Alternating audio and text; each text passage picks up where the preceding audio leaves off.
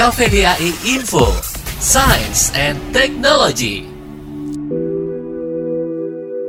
Tahukah Anda memasukkan buah ke dalam beras disebut proses maturing atau pemaksaan proses pematangan pada buah?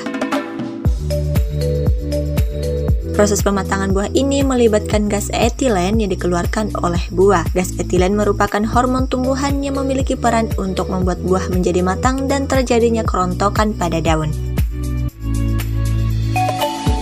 Jika semakin banyak gas etilen yang dikeluarkan oleh buah, maka semakin cepat proses pematangan pada buah tersebut. Buah yang disimpan dalam beras cepat matang karena gas etilen yang dikeluarkan oleh buah tetap berada dan terperangkap di sekitar buah.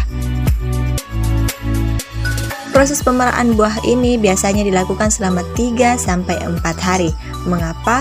Jika buah disimpan dalam beras lebih lama, buah tersebut menjadi lebih cepat busuk dan tidak bisa disimpan dalam jangka waktu yang lama.